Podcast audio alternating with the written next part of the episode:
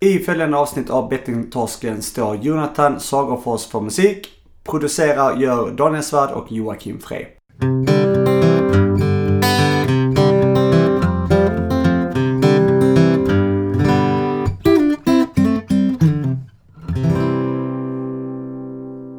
Ja. Mansion. Oh, Hur känns det? Ja. Det känns bra. Mm. Hur mår du? Ja, jo, men jag mår bra. Ja. Det har varit mycket eh, lugnt, känner jag. Ja. Hur... Eh, Du vet att VM är slut va? ja, det var länge sedan nu. Men du sitter i Sverige-tröja. Ja. Jag tänkte jag kan väl fortsätta med det. Eller? Tror du att det blir en sån Snart EM. sym- symbol för någonting? Att man inte får bära en Sverigetröja? Nej, Att det är lite så här, man får Tänkte bara ha du- den till, till matcher. Men jag tänkte du trodde att det var match snart. Ja. Ja, det är ju nästan det. Det är ju en eh, poddavsnittsmatch. Mm. Just det. Ja. Då är jag eh, Kamerun. Vad sa du? Kamerun? Kamerun ja. Kamerun? Mm. Är det inte Kamerun? Kamerun. Kamerun. Du missade ett. Nej, nej. Men jag betonar u Jaha, Jag tror det är så det ska göras. okej. Jag tror inte de själva säger Kamerun. Undrar vad de säger. I'm from Kamerun. Kamerun. Cameron. Kamerun. eh. Ja. Ja, eh, men eh, nej. Eh, VM är slut och det var ju en succé för oss. Det var kul. Vad har du gjort efter VM? Jag har börjat att... Ja, först var det cupen efter VM. Och sen så var det ju... Så nu har man ju börjat med träningen igen. Fotbollsträning. Azalea. Okej. Mm. Yes. Och eh, skolan rullar på. Eh, Mm. men det har varit en fantastisk sommar kan man väl säga. Ja. Det har ju varit en succé av något. Mm. Varmaste sommaren någonsin. Mm. Men jag är lite besviken på att själva värmerekordet inte har slagits. Alltså temperaturen liksom. Alltså menar hela världen. Nej, Sveriges. Alltså vi har ju ett rekord Jaha, på men 38, komma någonting. Och där har vi inte riktigt nått. Jag tror 35 kanske har varit. Men det har varit väldigt jämnt. Just det, det var, Varmt. det, det var den sommaren det var varmt en dag och sen så var det regn resten. Mm. Ja. Vet du vilket, eh, vart det slogs? Vilken stad? Nej, det är väl Eller i ort. Småland någonstans. Ja, Målilla. Ja. De är kända för speedway. Men jag prioriterar nog hellre att det är varmt hela sommaren än varmt en dag. Mm. Tycker jag. Så rekordet med att det är varmast sommar någonsin tycker jag. Ja. Det är För att hade det varit så, så varmt, då vill man ju inte knappt vara ute. Det är liksom, Mm. det är lite obehagligt. Ja. Ja, hur har du Yes. haft det nu eh, med din flytt och allting till Kalmar? Menar du min flykt? Flykt. Eh, jo, för Fly, fan. flykten tillbaka, tillbaka till dig själv. Mm, exakt. Jag har inte riktigt eh, kommit i ordning där borta ännu så att det är fortfarande lite eh, abstrakt då. Jag har ju precis... Eh, eh, jag skulle ju liksom komma i ordning där den 24 juli när jag slutade när mitt kollojobb tog slut. Men då var det ju någon mupp som hade startat någon jävla turnering här som var tvungen att åka över till Göteborg och briljera lite. Mm. Eh, men nu ska jag tillbaks här imorgon och eh, ja, så vi får väl se då. Men det blir nog bra. Jag är jättepeppad på jobbet faktiskt. Mm. Eh, Kul. Ja, få lite rutiner igen. precis. Men du har väl jobbat mycket också i Kalmar med, eller så fixat och donat med, eller det är väl sagt i alla fall, du har nog bara legat mest och solat. Eh, vad har jag sagt? Nej men att du hade hjälpt till att bygga hus och... Bygga hus? Ja, det har jag bygga- inte sagt. Bygga, bygga pooler och... jag har byggt ett eh, plank. Eller vad det... Staket. Ja. Jag har målat framförallt. Ja. Jag är ju en målare. Målarguden. Precis. Och eh, ja, nej men det har jag gjort då. Eh, klippt gräs och så vidare. Fast det var i och för sig länge sedan. Det var innan torkan eh, blev på allvar. Så nu växer ju inte gräset längre. Nej. Det har väl varit vattningsförbud där hela sommaren också? Eller? Ja, det, det har inte vi brytt oss om så mycket. Vi har vattnat poolen och, och grejer. Fan vad uttorkade ni måste vara där i Småland. Mm. Alltså, eller i den delen av Sverige. Alla måste ju liksom knappt orka gå omkring om inte man får dricka vatten och sånt. Mm. Man- Jag tror man får dricka ju. Ja, man får det ja. ja det är bra. Ja. Eh, det, det tror jag nog. Men det har inte regnat där vad jag vet. Vi fick ju ett regn här i Göteborg, och ett ordentligt regn häromdagen. Men ja, vi får väl se. Mm. Men eh, vad heter det? Jag har eh, en liten grej här som vi måste snacka om. Det låter bra. Ska vi se här vad vi sa om det. Jo. Eh, har du tänkt på det att eh, sista tiden här nu så har det startats enormt många nya spelbolag. Mm.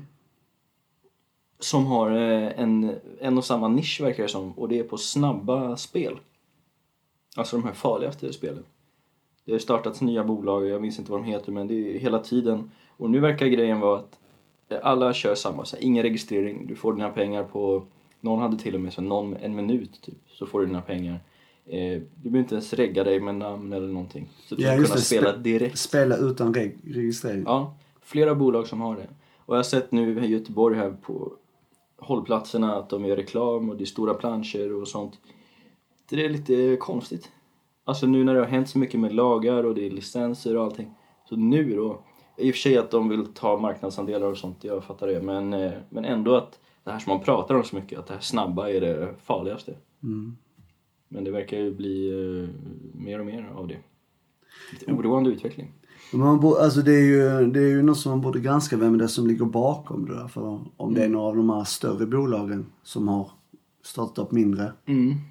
Eh, Det är ju intressant och för att kunna flagga dem utanför licenssystemet eller någonting. Jag vet inte. Mm. Låter det vara osagt men så jag tror man får nog göra mer en grundlig koll på vem de är. Men jag har sett också att det finns dykt upp flera stycken. Um, Precis som du säger att man kan ha, Det är väldigt märkligt. Man måste ju ha, om man ska vara ansvarsfullt spelande, måste man ju framförallt ha koll på registreringen i alla fall. Mm. Det är det första steget. Ja men exakt. Så man vet vem användaren är liksom. Precis, det säger sig självt att det går inte att ha någon bra koll. Överhuvudtaget. Nej, det är som att gå in på kasinot med massa svarta pengar. Och en sån här Och mask. Och mask, ja. Just det. En sån an- anonymous mask. Mm. Och så bara spelar man utav helvete på ja, roulette. Det är väl snabbt. Undrar om vi ska prova det. Och så när de, när de eh, säger till oss då så kan man ju bara säga men ni tar ju inget ansvar ändå. Vad spelar det för roll om vi kör lite anonymt? Ja, det kommer jag gjort.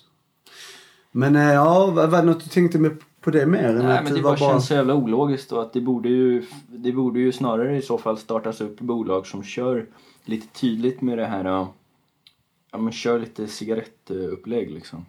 Mm. Att det står liksom att det, det här är farligt. Eh, spela ansvarsfullt, man är tydlig med det liksom. Att vi, vi tar ansvar och med kanske begränsningar och budgetar och sådana grejer. Istället för det här. Det går skitfort, vi vet inte vem du är, spelar ingen roll, bara kör pengarna direkt. Alltså det är ju obehagligt liksom. Mm. Jo, det är det. Eh, Jag undrar nu efter årsskiftet där när licenssystemet kommer in och spelreklamerna ska få... Res- alltså det blir ju restriktioner på det och mm, Mm. Jag vet inte om de, de har ju pratat om förbud men det vet jag inte hur det kommer se ut. Och om de då också kommer ha de här, um, ja, det kommer vara, alltså just precis som du säger med, med cigarett och alkohol att det kan vara skadligt för dig. Mm. Jag hoppas ju verkligen att de tar det ansvaret i alla fall för att då blir det ju mer trovärdig reklam på något sätt i alla fall. Ja, precis. Ehm, så det, det, det är väl sagt som, som du pratar om att um, de försöker väl ta marknadsandelar nu. Mm. Uh, då har de ju pratat om innan också att det kommer ju vara mycket mer nu eh, och mycket mer intensivare för att kunna ja, exponera så mycket de bara kan innan eh, licens. Mm. Eh, och inom nya reglerna så att säga. Så att eh, det är bara att kämpa ifrån det och inte hoppas att många faller in i de här eh, enkelregistreringarna, tar de här snabba spinnen och eller vad det är för någonting. Och, och... Ja, Hur har Men- du det med det förresten nu när du, alltså bara just Med när det gäller-? Nej, ja, med spelreklam. Vad, vad tänker du när du, alltså många pratar ju om att det är ju en jätteavsky. mm. Eh, många säger också att de inte alls ens tänker på det. Mm. Utan det bara flyter förbi. Visst, det är irriterande men att man inte lägger så stor tanke på det. Men det är, ja, det är ju lite delat där. Mm. Hur, hur ser du på det när det gäller just spelreklam? Ja, Jag tillhör nog den andra kategorin där som eh, jag tycker är irriterande men eh, och så ser jag en skylt och så tänker jag fan vad idiotiskt och sen så går jag vidare liksom. Det är inte så att jag går runt och, och funderar en hel dag och eh, liksom går och lägger mig utan det är ja det är ett par minuters eh, att man stör sig lite liksom. I, inte så mycket mer än det faktiskt. Och själv då? Uh, nej, jag är väl samma. Men det är den här eviga diskussionen faktiskt om eh, många frågor som inte har uh, själv spelproblem. Eller spelberoende, spelmissbruk då, eller har sjukdomen. Att triggar det inte liksom. Ja, och då det, kan man reflektera och tänka, ja men all reklam är omedveten reklam. Alltså reklam är ju för att det ska ju påverka det omedvetna. Att det på något sätt kommer. Men jag känner ju inte av det där. Alltså jag tänker ju inte på, visst spelsuget var under VM, de tillfällena vet man att man får liksom jobba hårdare med på självhjälpsgrupp och så här. Men, ehm, men, ehm, eh, ja, men just att man ser, jag tror när det gäller spelreklam, vad jag, min känsla av det är att de människor som tycker det är jobbigast med spelreklam är de som inte har problem med det. Antingen a- anhöriga då, som eh, har ju, eh, jobbar med en helt annan bit såklart, med tillit och allting som, som har raserats. Men också då personer som inte ens varken är anhöriga eller spelare, utan bara en helt vanlig människa som, som störs av det. Och jag tror många spelare är precis som vi då, att det bara flyter förbi och man tänker inte så mycket på det om man håller sig spelfri liksom. Um, sen kanske det är en lite annan sak om man pratar om reklamen som kommer hem i brevlådan. För det är ju mer, på något sätt, den kanske är lite mer känsligare då. För den är så att där står liksom, här är detta, där är ett erbjudande. Och den är, finns där hela tiden. Spelreklam bara flyter förbi. Det som är på tvn och radio. Eh, Så det är väl mer de här utskicken som är värst. Ja. Hoppas nu inte spelbolagen hör det här så de börjar skicka ut en jävla massa sådana. Sen är väl det olagligt också, är det inte det? Om man har sagt att man inte vill ha reklam. Säkert. Men det har väl inte stoppat dem tidigare i någon fråga. Nej, men sen tycker jag också att eh, det är värt att säga att eh, det ligger också ett ansvar i, hos de som eh, tillåter, alltså hyr ut sina platser till reklamen. Vilka det nu är, ett exempel på hållplatser, om det är Göteborgs stad eller kommun eller Västtrafik, jag har ingen aning. Men den som gör det i alla fall borde tänka till och eh, kanske sålla lite och sätta sig in i frågan. Liksom. Eh, Så att, ja. För jag menar, har de ingen... eh, De måste göra reklam någonstans. Och om, om folk börjar tänka lite och säger nej till, till det allra värsta så, så kanske det minskar också. Ja, det är väl alltid andra som eh, vill eh, göra reklam för sina produkter och tjänster som inte är spelbolag. Sen kanske de inte erbjuder lika mycket eh, pengar. Nej.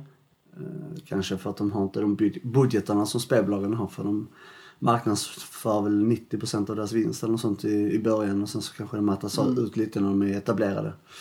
Men ehm, eh, om man ska ha någon form av moral i frågan och veta om de, det är ju inte många som gör reklam för liksom ja, varken narkotika eller alkohol på samma sätt liksom. Det är inte ofta Sällan man ser narkotikareklam faktiskt. Ja, ja det är ju tyvärr olagligt. Men om vi säger alkohol då till exempel, det är inte ofta man ser i tidningen köp den här, äh, jag tror inte det ens finns, köp den här Absolut vodkan på Systembolaget. Nej, i alla fall inte systemet. Det är väl så fall märkena själva. Det är lite whiskyreklam kommer ju då och då på TV och här famous och Ja, sådana. men, kan eh, det. men systemet kör ju, de är ju faktiskt, det har vi ju varit inne på innan, men de är ju ett föredöme på många sätt faktiskt. Det går ju inte ens att gå in i systemet utan att bli bombarderad av varningar och, och eh, liksom eh, sådana grejer. Så det är positivt. Mm. Jag har en liten fråga till dig. Kör. Känner du till någonting som heter alexithymie? Nu läser jag till så att jag, är inte någon expert här men är det bekant för dig? Jag ska bara ta upp telefonen och googla. Det är som man gör idag. ja. Ehm, eh, nej, jag vet inte. Nej. Berätta. Jag ska läsa ett kort stycke här. Eh, som lyder som följer. Alexi In, innan du läser, hade du blivit chockad om jag hade kunnat det här? Ja, Okej, ja. Det här är skrivet av, av en person som vi känner till. Jag återkommer till det. Mm. Alexitymi beskrivs som en oförmåga att känna igen, sätta ord på och förstå vad det är man själv känner. Uttrycket myntades på 70-talet av psykiatern Peter E. C- Ja, någonting. Det är inte så intressant. För att beskriva den känslostumhet som han såg hos många av sina patienter som uppenbarligen var arga, ledsna eller glada utan att riktigt veta om eller förstå. Vissa forskare hävdar att personer med alexitymi även har svårt att identifiera mer renodlat kroppsliga signaler som hunger eller illamående, vilket förstås kan leda till mer somatiska problem. Eh, och en mening till då. I en studie undersöktes förhållandet mellan alexitymi och spelproblem. Det är en lång artikel som eh, har lagts upp av eh, Anders Nilsson. Mm. Eh, känner du till? Och eh, ja, jag tyckte det var lite intressant. För att artikeln heter då Spelproblem och alexitymi. Eh, och det är en, ett, en vinkel på det som jag inte har eh, tänkt på eller hört om innan. Vad, vad tänker du om det? Är det någonting du kan känna igen hos dig själv kanske? Men alltså känslor som man inte ens själv vet om att man har. Utan, ja, ehm, det står inom citationstecken känslostumhet. Att man inte riktigt kan identifiera då. Jag, först jag tänkte på när jag började fundera var ju antideppad. Som ett ord och begrepp av att man inte vet om man mår bra eller dåligt. Mm. Men ehm, att, man, eh, att man uttrycker känslorna på ett sätt utan att veta om det. Jag först, det, det blir lite komplicerat tror jag. Okej.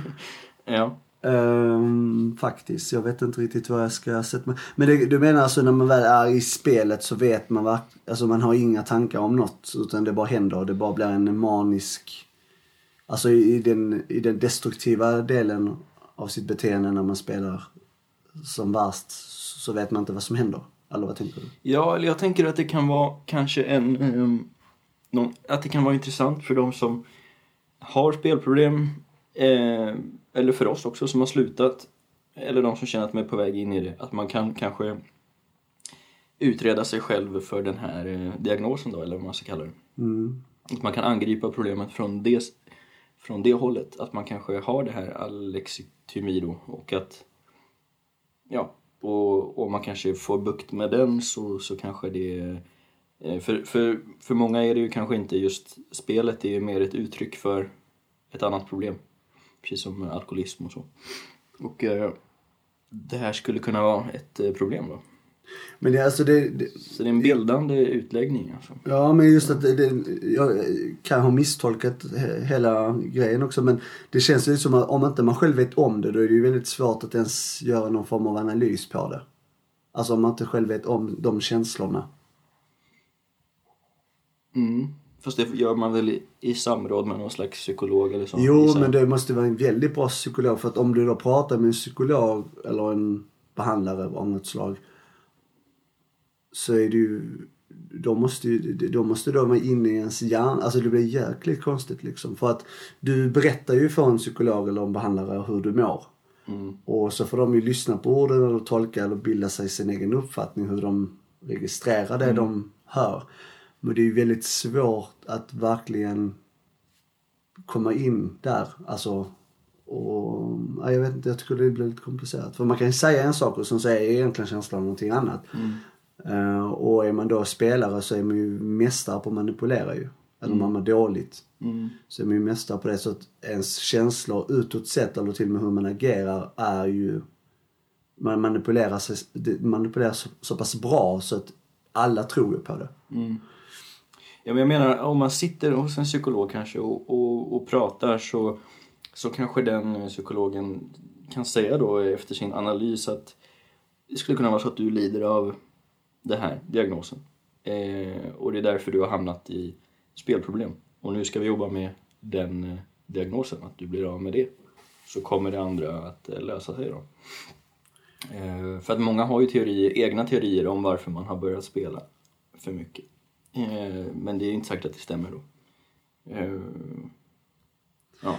Alltså alla individuella bedömningar. Jag tror ju väldigt mycket på den här individuella bedömningen mm.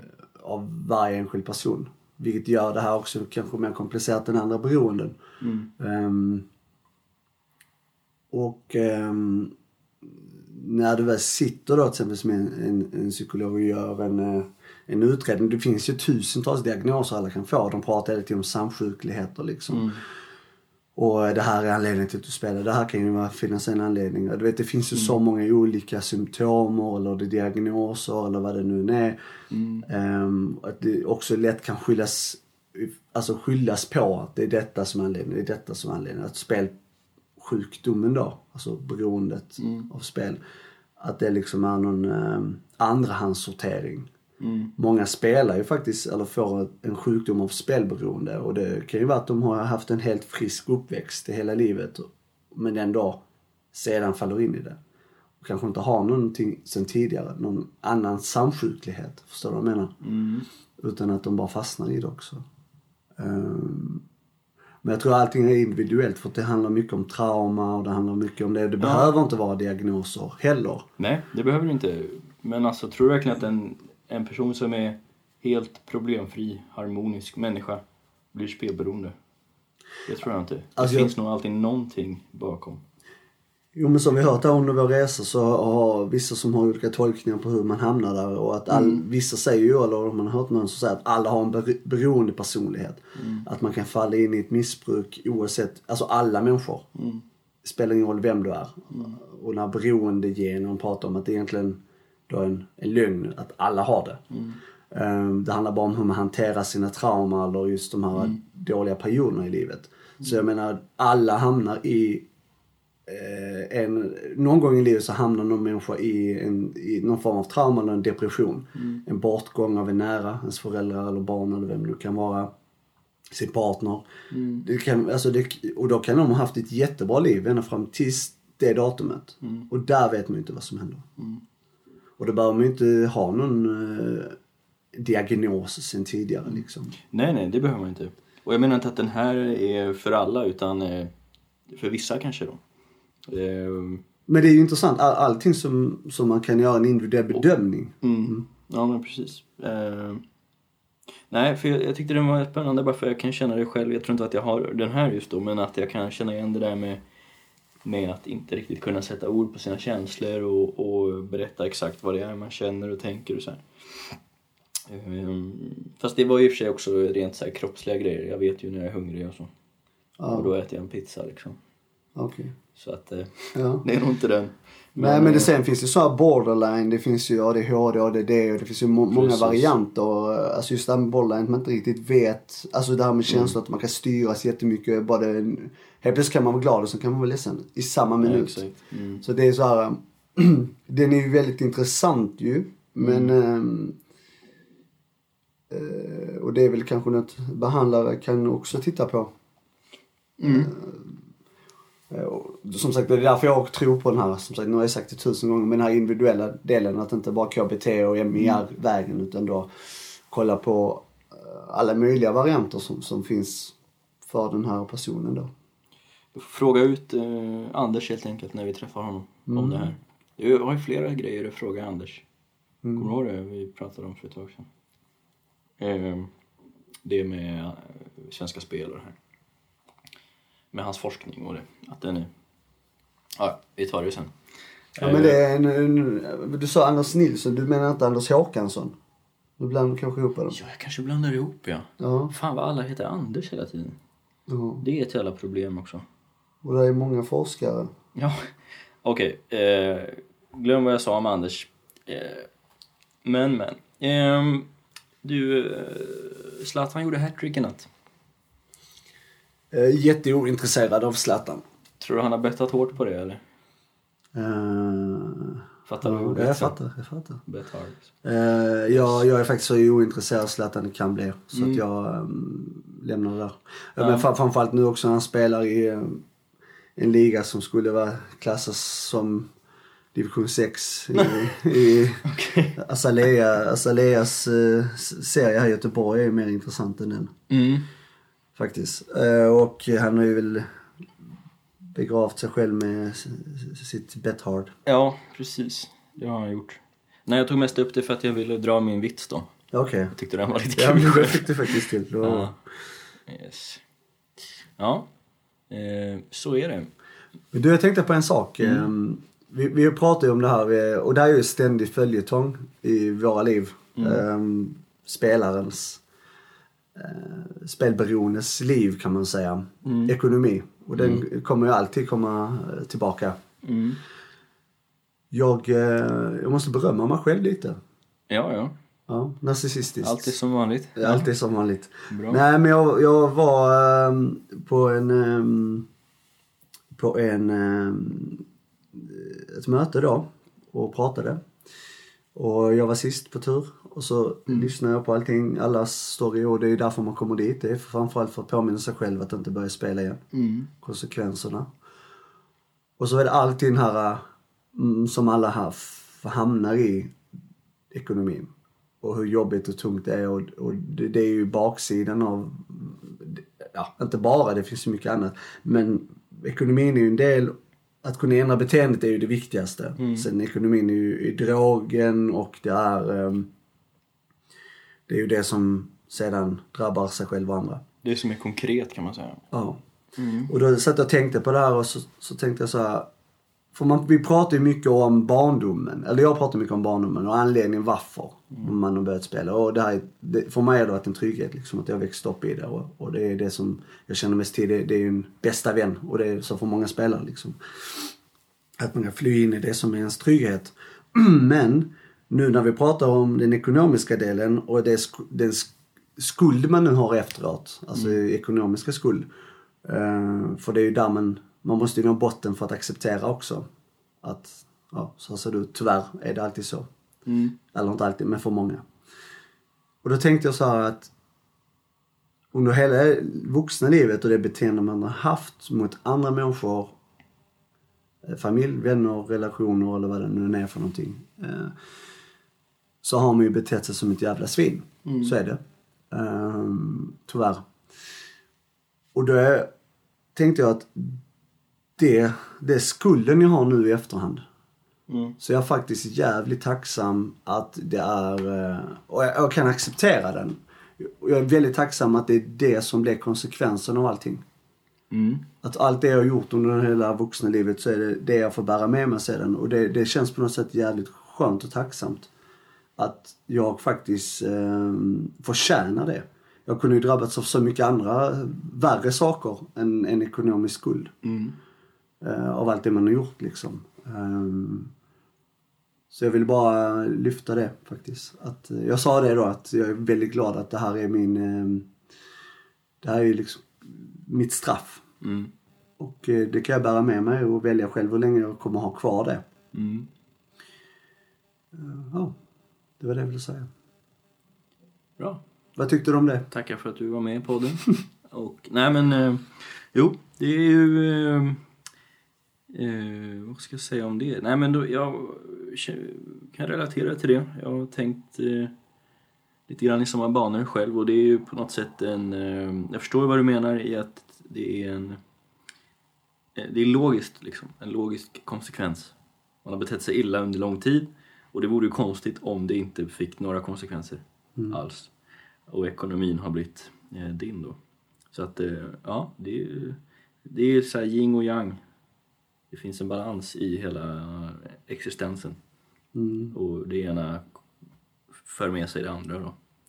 Så att, eh, och det är bra om man kan hitta en tacksamhet i det istället för en ilska och bitterhet och sådär. Um, Ja faktiskt, det finns ju mycket värre straff man kunde fått. Alltså Mm. faktiskt. Och om man hör då andra människor som berättar vad de har gått igenom i livet. Eh, Det behöver inte bara vara spelberoende men framförallt det. eh, Men också andra saker så, så finns det så mycket värre saker människor drabbas av. Eh, Om man då ska jämföra sig Ja. med andra liksom, eller så, här, så, så är man ändå tacksam. Och jag tror många kan kanske bära med sig det att visst det är tufft och det är jobbigt och det kommer det vara ett bra tag framöver men ehm, bättre det än något annat som hade varit värre. Ja, men precis. Du kunde ha haft en miljon på banken eh, men ingen i din närhet vill veta av dig liksom. Det är ju Mm. värre. Ja. Ehm, Så att, visst. Ja, hela min hälsa kunde ju varit åt helvete. Jag kunde varit i fängelse. Man kunde, ja men allt. Det Mm. finns så många andra saker så att visst. Det, det, nej, jag bara fick, jag reflekterar på det liksom. Mm. Mm. Ehm, Du kommer ihåg det att eh, vi försökte ju få lite kontakt här med, med eh, Sara Sjöström angående en intervju. Mm. Det gick ju inte jättebra. Men jag har i alla fall frågat henne igen nu då via Instagram istället. Så vi får se om hon kanske kommer in här snart och, och ställer upp då. Eh, vi får hålla tummarna för det. Ja. Ja. Du, jag har en annan känslig sak som jag vill prata om. Mm. Eh, som är, ja. Där är ju också en diskussion om det här eh, när det gäller just ekonomin igen. Mm. Eh, vad tycker du? För nu vet ja, alla vet ju om nu får vi ju prata om det i podden men din ekonomiska konsekvens eh, blev tillfälligt, eller vad ska man säga, löst. Den är ju inte löst men, men eh, du fick ju hjälp kan man säga. Och många diskuterar ju det här vad som är bäst. Vad tycker du är bäst? Att man själv ska bära ansvaret eller att man faktiskt kan ta hjälp av någon närstående? Att lösa så mycket man kan lösa, så att säga. Mm. Det är ju en väldigt eh, komplicerad fråga. För, att, för det första tror jag att eh, det finns inget svar som gäller för alla utan det är verkligen individuellt. Eh, det handlar ju om storleken på skulden, det handlar om eh, om det finns någon som kan hjälpa en liksom, som har de ekonomiska musklerna. Eh, det handlar ju om, det är mycket som ska klaffa. Och sen handlar det också om eh, alltså det hade ju inte varit någon bra idé om jag fick hjälp. För jag hade ju jag haft skulder länge och jag hade ju skulder även när jag var aktiv spelare såklart. Då hade det inte varit någon bra idé att få hjälp. Det hade man ju bara sabbat direkt. Och inte gått att lita på. Eh, nu har man ju varit spelfri i, i eh, ett år och, och lite till och det är ett och ett halvt år nästan blir det väl va? Mm. Det är bra. Och ehm, så att då är det ju ett bättre eh, läge när man har kunnat bevisa för sig själv och för andra att man eh, kan hålla sig ifrån spel och är villig att göra en förändring liksom. Ehm, så att, ja, jag vet inte, det är väldigt svårt att, att svara på. Eh, så här, det här är det bästa, det, det, det finns nog inte det. Sen tror jag att det kan vara både, alltså, det är såklart en skönare känsla, precis som man handlar någonting liksom. Om du handlar ett par jeans för 5000 och du har slitit dag ut och dag in i en månad för att få de här pengarna. Då är det ju mycket godare att gå och handla dem än om någon bara swishar dig liksom. Eh, och sådär. Så att det kan nog vara, vara eh, skönt att lösa det själv. Men, eh, ja, jag vet inte. Alltså man kan ju förstå liksom så här att om det är någon som har den möjligheten att hjälpa en liksom så, så är det ju skönt att slippa räntor och dylikt. Mm. Till, eh, för skulden försvinner ju inte. Nej. Bara för att någon hjälper en så är det inte så att man är skuldfri sen. Det är man ju inte. Men, ehm, och sen så är det väl, eh, jag, jag är väl inne på samma där. Att ehm, när det gäller ansvaret kring det så så är det ju ehm, en fråga om vad det är för situation personerna sitter i liksom. Att eh, jag är ju en ensam varg där och jag vill lösa det själv. Jag vill inte ha hjälp. Um, andra kanske har familjer. Där de riskerar hus och, och hem. Lägenhet kan vara vad som helst. Och, ehm, och om de har någon närstående som kan hjälpa en där. Liksom. Men jag tror också där att det är väldigt viktigt med krav. Alltså. Att man måste sätta tydliga och strikta krav. För att oavsett som du säger här att okej, man har bevisat för sig själv och andra att man har varit spelfri viss tid. Vi vet ju att ett, ett återfall kan man ta när som helst. Det är många som har varit spelfria i 5-10 år och ändå tar ett återfall. Inte får ett återfall, som många tror. För man får ingenting, man tar ett återfall. Ehm, och då, då rubbas ju det och vad händer då med skulden liksom? För då kan man ju lätt samla på sig mer skuld om någon bara löser det åt en. Eh, och det, det hjälper ju varken spelaren eller... ehm, det är ju väldigt komplicerat. väldigt komplicerad fråga. Men jag tycker det är intressant för det är också en sån sak som också diskuteras. Framförallt att, ja men det är ju den här ekonomiska biten ju. Jag tror det är viktigt att man i alla fall ser att personen gör en förändring i beteendet. Att man kan kommunicera med varandra. Hur mår vi? Hur ser det ut liksom? Och att man märker att personen är närvarande när man väl... Det, det ena förtroendet tror jag man kan ha både som anhörig och... Alltså att man verkligen kommunicerar med varandra. Mm. Och ser man att det där är en... Där händer någonting där då... Då tror jag man är lättare att man kan hjälpa till. Alltså en grej som jag verkligen tror är fel, för nu till exempel för min del då, så blev ju min eh, eh, lösning, man ska säga att eh, mina föräldrar hjälpte till, man betalat mina skulder och eh, resultatet blev att, eller mot kravet då att jag flyttar, bor hos dem, har inga utgifter, hyra någonting, bara fokus på att beta av den här skulden då med en viss summa varje månad. Och det är ju bra och jag tror att eh, om man ska hjälpa någon så är det nog ty- typ något sånt. Alltså det är viktigt att ställa de här kraven som du var inne på för att bara att eh, ja men säg att jag skulle hitta en väska här ute med, med en miljard i kontanter. Då är det klart att då skulle jag ju hjälpa folk. Dig till exempel. Ta bort dina skulder och så. Du hade inte lämnat det till polisen? Nej. Nej. Ehm, vad heter det? Nej men alltså att man inte bara så här, nu är de betalda, du är fri. Eh, För då, blir det, då missar man ju det här som vi pratade om innan, att det blir en konsekvens. Ehm, att man ska få svettas eh, lite och ehm, för också, eh, för jag till exempel pratade med en kompis för ganska länge sedan eh, när jag precis hade slutat spela som också hintade lite om att han erbjöd sig att eh, hjälpa till då. Och då sa jag direkt så, nej för att man, jag vet ju den här känslan, man vill inte helst ha hjälp. Däremot så tror jag att man ska försöka att komma ifrån den så mycket som möjligt för att det är en sån här eh, stolthetsgrej som jag tror i alla fall det grundar sig i en stolthet man vill fixa sin egen skit liksom. Och det är så känner nog alla. Men samtidigt så finns hjälpen där så varför inte? För att det är väl det samhället går ut på också, att vi hjälper varandra liksom. Eh, och eh, man gör det man kan.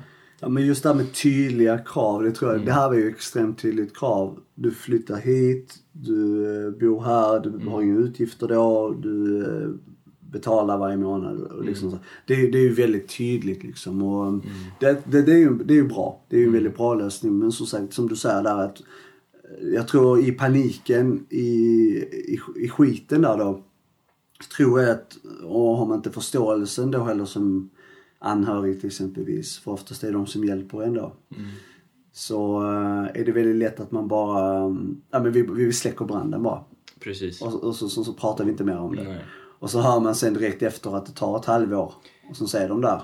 Ja. Och så har de, och, och då, är det, då är det värre till och med än vad det var i första skedet. Mm.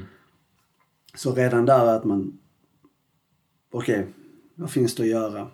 Vi, vi, vi, vi bestämmer, vi ska gå till en självhjälpsgrupp och, och där ska vi gå så många gånger. Mm. Det är också individuellt liksom tror jag att man ska följa det och, ehm, ja, och sen sätta krav då. Mm. Ja, precis. För att får man den där lätta hjälpen, nu är det klart, nu är du fri. Då tror jag, för att man är ju så jävla bra, man har ju den här vanan inne att lura sin, sig själv, lura sin hjärna. Tror jag det är jättelätt att lura sig själv och bara, "Ah, men det där var ju enkelt liksom. Jag kan ju spela igen, det är bara, det löser ju sig på något sätt. Ehm, Ja, det måste ju till en bete beteendeförändring också så måste ju personen vilja det själv. För många säger ju där också att ja, det bästa som har hänt är att jag verkligen, eller med att jag hamnade hos Kronofogden. Att jag fick en prick och där ligger skulden idag. Det är jättebra. Mm. För att um, nu får jag ta det därifrån helt enkelt. Och för vissa är det här den största skräcken liksom att komma dit och Mm. och liksom att allting har fallerat och man vet inte vad man ska göra. Och då är det lätt att man bara, oh, innan det händer, att man bara tar en snabb lösning. Liksom. Mm. Ja. Ja, men sammanfattningsvis så eh, finns det väl ingen eh, universal eh, lösning på det. Den bästa lösningen är att inte spela ja. överhuvudtaget. Tror jag.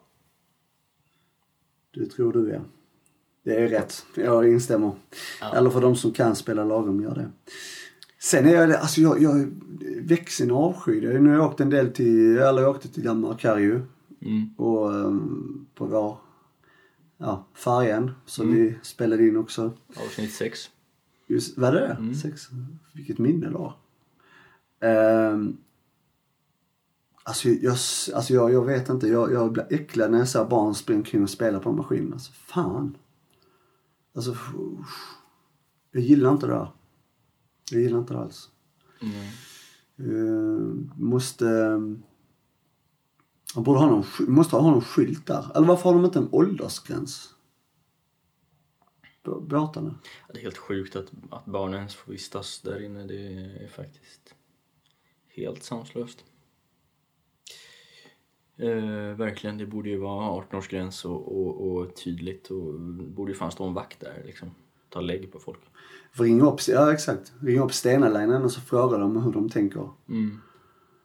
Om ehm, varför de inte har en bättre koll på det där.